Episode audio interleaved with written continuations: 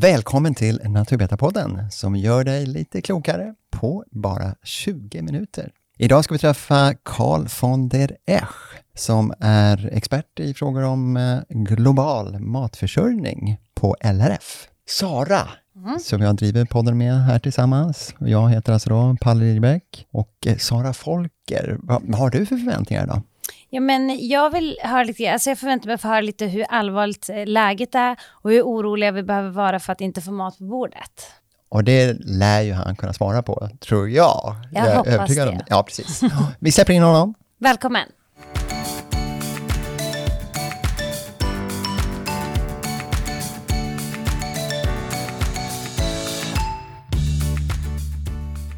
Matförsörjningen har blivit en nyckelfråga här i eh, skenet utav eh, kriget i Ukraina och även klimatförändringarna. Men eh, Karl, hur oroliga ska vi vara? Jag tror att vi har mycket av den här allra mesta turbulensen bakom oss när det gäller just priserna i livsmedelskedjor eller ute i butik och så vidare. Där, däremot så finns det kanske på medellång och lång sikt saker att oroa sig över. Men, men det är en lite annan sak än just effekterna av kriget i Ukraina om det är det du tänker på. För där, där har det varit en jätteturbulent tid sen, ja nu är det nästan ett år sedan, eh, där priserna bara ra, sprang rakt upp i taket i ja, början på sommaren kan man säga. Och faktum är att tittar man på matpriserna eller livsmedelspriserna globalt så var den högsta nivån var där någonstans i början på juni, juli och efter det så faktiskt om man lägger alla livsmedel i en global korg och tittar på det prisindexet så har de gått ner varje månad sedan sen i början på sommaren. Och du pratar råvarupriser då, eller? Ja, det, kan också, det är råvarupriser, men det kan också vara sammansatta varor. Men det är däremot inte varor i butik, utan det är då i ett tidigare led i förädlingskedjan. Det är FAO, alltså FNs ja, livsmedelsorgan, som har ett, eh, ett index som de har följt sedan många, många, många år. Och man kan gå in och se. Och där kan man se just hur extremt turbulent det var i, i månaderna direkt efter att eh, Ryssland eh, anföll Ukraina. Så det kanske var lika mycket psykologiskt, just att man inte riktigt visste vad som skulle hända framöver. Ja. Och att det liksom har blivit en, en det har satt sig, marknaden kanske. Ja men, ja, men absolut. Jag, jag, tror att vi kommer att få läsa säkert ganska mycket om det här framöver när, när, när forskare och andra börjar liksom borra i det här. Men jag tror att jag landar i ungefär samma slutsats som du gör. Att, att det var mycket psykologi och, och rädsla, oro för att det skulle uppstå en konkret brist som drev upp priserna så, så väldigt kraftigt. Och, och då kan det, de livsmedel som jag har tittat på, eller ja, råvarorna, då är det kanske framförallt spannmål. Och där kan man ju se en direkt sån händelse eller utveckling eh, just precis i andra kvartalet förra året. Sen så tror jag att det finns andra faktorer också, men de hänger ju samman och det var ju det att energipriserna steg och en hel del av livsmedelsframställningen är energi, energiintensiv och det gör att, att det kopplar an. Så när, när energipriserna rusar, ja, då rusar även livsmedelspriserna. Mm. Men även den frågan kan ju vara psykologi i, alltså varför steg energipriserna så pass väldigt mycket? För flödena har ju faktiskt dessbättre inte varit så ansträngda egentligen. Om man tänker sig just när det här kriget bröt ut här för snart ett år sedan, då var man ju lite orolig för hur ska Sverige, om det skulle inträffa i Sverige något liknande, hur skulle vi klara en sån kris? Om det, ja, helt enkelt en, en avspärrning. Ja, jag kommer hela tiden tillbaka när jag tittar på de här frågorna till vårt beroende av energi. För när det gäller livsmedel så, så tror jag att där, där står vi oss för förhållandevis väl ändå. Men det förutsätter att vi kan hålla igång vår livsmedelsproduktion. Och det är ju på samma sätt som för nästan, ja, jag kan väl säga för all annan verksamhet i Sverige, så har vi ingen energi, då, då blir det inte mycket gjort. Och för jordbruket, som jag ju kanske relaterar till mest, då, den produktionen som sker där ute eh, på åkrarna, då är det ju framförallt diesel som är helt avgörande. Tillgången till diesel, en kontinuerlig tillgång av diesel. Men det kan ju också handla om el. För våra medlemmar i, i LRF och jordbrukare generellt, de producerar ju inte bara spannmål. Man kan ju producera till exempel anim animalieprodukter också, ägg eller kyckling eller fläsk eller, eller mjölk och så vidare. Och då behöver det också el. Och de här två energibärarna då, ja, elen då eller dieseln, de är helt avgörande. Men om vi har det och sen kommer det till mer komplexitet för sen så ska du naturligtvis få det som produceras på gården och komma ut till antingen direkt till en konsument om det är mjölk eller potatis för det kan vi ju äta direkt eller via någon förädling, vete till exempel, det är svårt att äta direkt utan då kanske det behöver passera någon livsmedelsfabrik eller så vidare så att transportkedjor och allt annat måste fungera också men, men i något slags, om du tänker någon ideal idealsituation eh, fast med den begränsningen, den ganska stora begränsningen att vi, att vi är avskurna omvärlden i en idealsituation så tror jag att vi producerar any given day egentligen, eller på givet år i Sverige, tillräckligt mat, mycket mat för att hålla liv i befolkningen. Men, men, utmaningen ligger i att det, få ut det. Sen kan det vara så att den maten som vi skulle producera, den skulle bli mycket mindre variation. Det förstår vi allihopa. Det blir ingen avokado, ingen, ingen mango. Inte så mycket guldkant där. Inte så mycket guldkant. Men frågan är så här, skulle vi överleva? Ja, men det tror vi nog att vi skulle mm. kunna göra.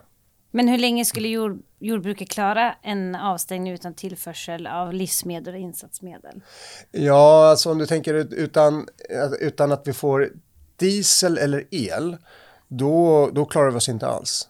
Det går jättefort. Mm. Uh, det, det, sen är det naturligtvis så att, att diesel, ja det beror ju på vilken vilken produktion vi pratar om och vilken gård vi pratar om. För det finns ju de som har, i det här fallet då, diesel hemma på gården. Det beror också när på året det sker, för det, som vi idag, nu befinner vi oss i februari, det händer inte så mycket på spannmålsgårdarna nu, men däremot en kycklingproducent är beroende av el lika mycket som i en annan typ av industrier. Man behöver det hela tiden helt enkelt. Så att det är det luriga i det här också, att, att vi, man hamnar lätt i att man vill generalisera lite grann, men jag tror att det är viktigt att se på varje typ av produktion för sig, för det är så skilda förutsättningar. Man kan ju tänka sig att ekojordbruket skulle ju kanske kunna ha en eh, liten fördel här, inte lika beroende av eh, gödsel till exempel, gödselmedel och även växtskyddsmedel. Skulle man kunna tänka sig det? Eller är det energin som är det avgörande? Ja, Har man inte den så faller allt. Ja, men, Låter det nästan så? Ja, jo men det skulle jag nog säga. Sen är det så att det är klart att det beror också på vilken produktionsinriktning man har om man, om man bedriver eko, eh, en ekoproduktion. Men vi brukar väl säga att många gånger så kanske man behöver ersätta då, man kanske använder mindre växtskyddsmedel, alltså ogräsmedel om man ska säga, men då ersätter man det istället med mekanisk bearbetning, att du kör med traktorn mera för att hålla borta ogräset, väldigt sådär konkret. Mm.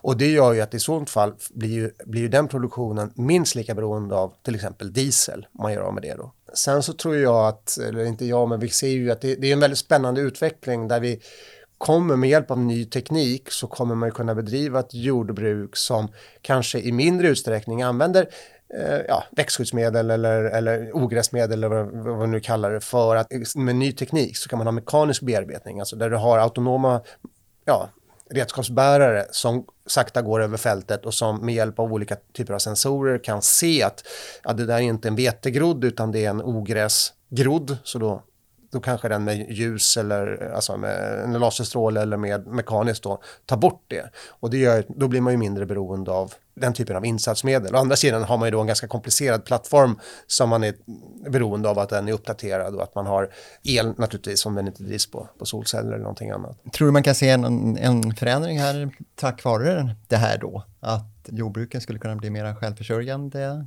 Ja, det, och det skulle jag nog säga att det finns ju flera delar i det här. Men om vi backar tillbaka till frågan om gödning, för, för det är ju så att säga, det är, förutom energi, så på en god andra plats skulle jag säga att tillgången till gödningen kommer. För att har vi inte gödning så minskar avkastningen på skördarna, lite beroende på, men man kan säga någonstans mellan ja, 30 procent och kanske eh, högre än så då över tid och framförallt kvävegödningen som ger de här snabba effekterna. Och där finns det ju en oro, och det är ju det vi har sett nu, att i ljuset av att då Ryssland är världens största exportör av kvävegödning så är det klart att då, då funderar man ännu mer på, på det. Och den gödningen som produceras i Europa, vi har ganska god produktionskapacitet på gödning i Europa, men då har ju den varit beroende av naturgas som å andra sidan då har kommit från Ryssland. Så att det är nog flera som tänker ganska mycket kring det här. Och då ser man att vi skulle ju till exempel kunna öka upp vår egen produktion av kvävegödning. Problemet här är att, att just med kvävegödningen så är det, är det en väldigt stor fördel att kunna använda naturgas. För det är då ämnet metan i naturgasen som man vill åt. Det är inte bara en värmekälla eller liksom en energibärare utan det finns sammansättningen av naturgasen som gör att den är väl lämpad för att göra kvävegödning av. Ska man ersätta det där till exempel med att gå via eh, fossilfria energikällor och använda el som kanske utständs, ja, vinns från, från vattenkraft så går åt väldigt mycket energi. Men jag vet att man, man i Norge tittar på det här och man kan använda sig av så att säga, inom situationen en ren el som då skulle kunna vara i någon process. Hur ser det ut då med tillgången på eh, framförallt kvävegödselmedel nu inför vårbruket? Det är inte riktigt dags än förstås, men det kommer ju. Ja, och där är det nog så att väldigt många har, den gödningen tror jag i stor utsträckning finns redan ute på gårdarna. Den, den beställde de i, i höstas. Men tittar man ur ett globalt perspektiv, tillgången på mat, tillgången i utbudet, alltså möjligheten för till exempel människor i Afrikas horn och så vidare att få livsmedel, ja, de är beroende av hur mycket volym totalt sett i världen som har producerats. Så en fråga är ju så att säga, hur mycket av, inom geografin, i, i det som vi erkänner som Ukraina, har försvunnit på grund av kriget. Det, det, vet vi inte riktigt ännu, men det kanske är dessbättre lite mindre än vad vi, än vad vi befarade.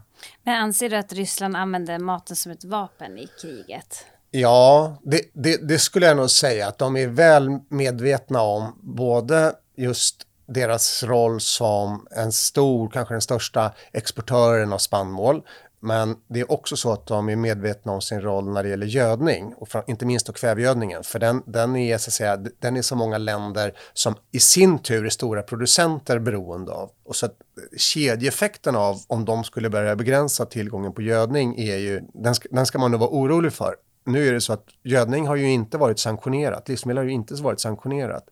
Men bara här i december så såg man att FN gick till Ryssland och mer eller mindre vädjade om att de inte ska begränsa sin e- export av gödning. Och det är ju lite anmärkningsvärt i sig, alltså att man har den relationen. Alltså å ena sidan så är vi naturligtvis både arga och misstycker allt Ryssland gör. Samtidigt så måste vi ändå kanske gå dit och be dem att hålla uppe sin export Eh, vi pratade lite grann här innan, Sara och jag, om det här med prepping. Nu byter jag spår lite grann här. Mm. Finns det anledning att uh, tänka på sådana saker? Att se till att man har ett uh, välfyllt, inte bara kylskåp då förstås, utan torrvaror och liknande så att man klarar sig en, en tid? Ja, men det, det, tror jag är bra och det kanske inte är så mycket på grund av eh, så att säga, antagonistiska hot och så, utan det tror jag kanske mer handlar om att vi vet nu att vi är beroende av kontinuerligt el, tänker jag på i första hand där då. Om vi skulle få ett längre strömbortfall och så vidare, det är väl bra att kunna veta att man, för då kanske inte butiken man normalt går till kan ha öppet. Det är mycket där ute i samhället som fallerar. Ja, men då är det väl bra att känna att man har ja, att man klarar sig ett par dagar utan att, att man skulle behöva gå hungrig. Det tror jag är viktigt.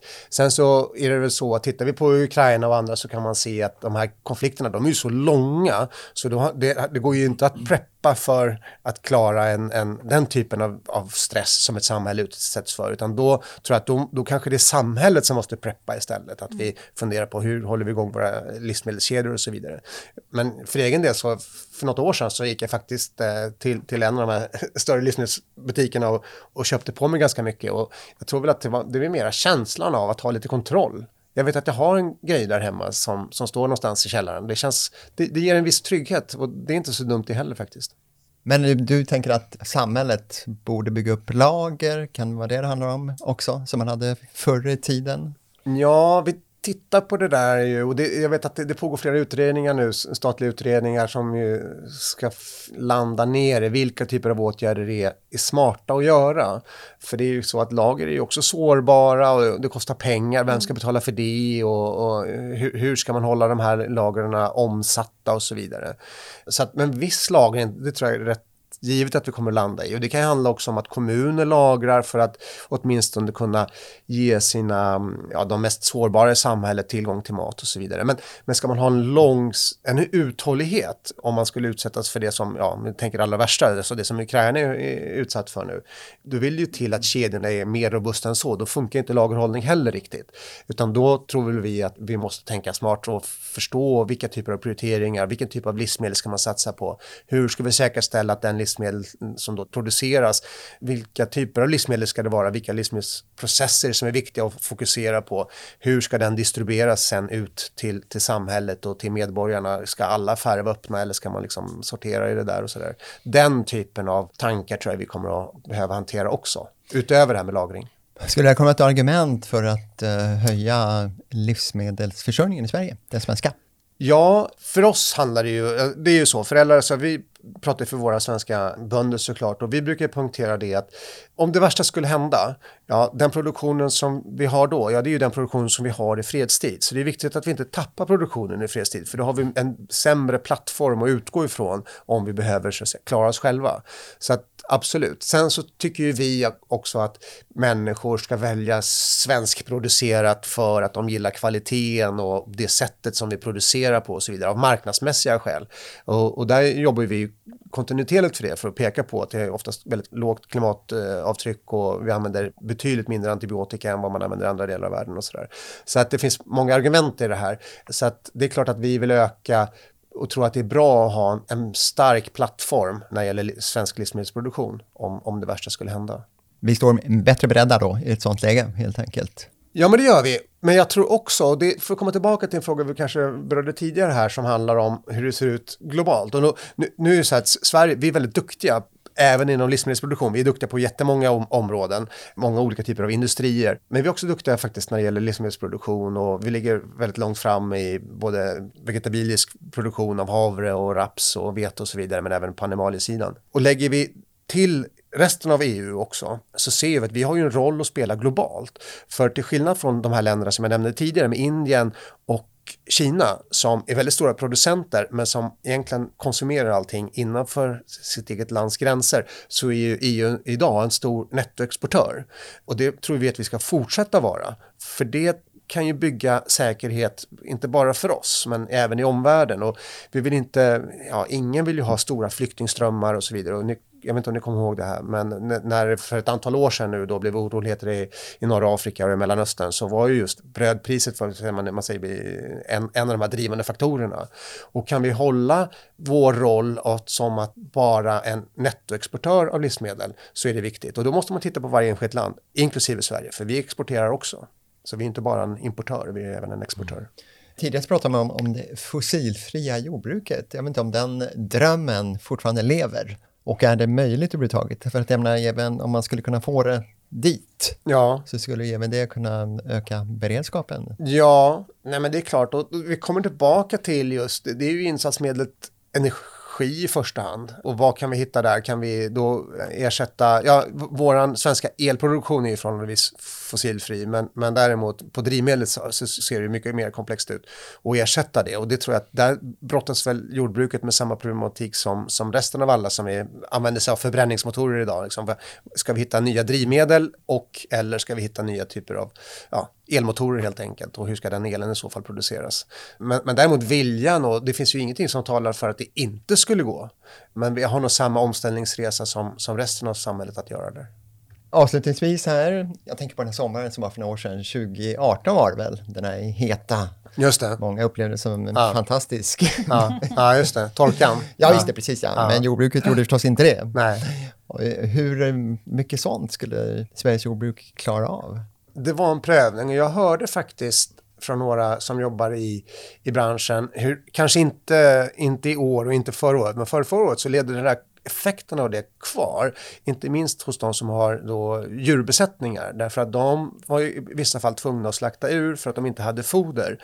Och då ändras ju hela produktionscykeln, så att effekten av det här levde ju kvar ute i vissa delar av produktionen, mycket längre än vad konsumenterna kanske tänker på. Det var ju varken första eller definitivt inte sista gången som vi utsätts för en sån typ av ansträngning för vårt jordbruk. Men förhoppningsvis har vi tagit med oss en del lärdomar därifrån, samverkan och hur vi faktiskt kan agera. Och vi tyckte väl också att även handeln agerade väldigt bra där, för det blev ju så att rent konkret var det så att man var kanske till exempel tvungen att slakta ur en del djur som man inte hade planerat. Då ökar ju volymerna och då var det ju många alltså, i detaljhandeln som sa att köp gärna svensk nu för det, det underlättar hela situationen.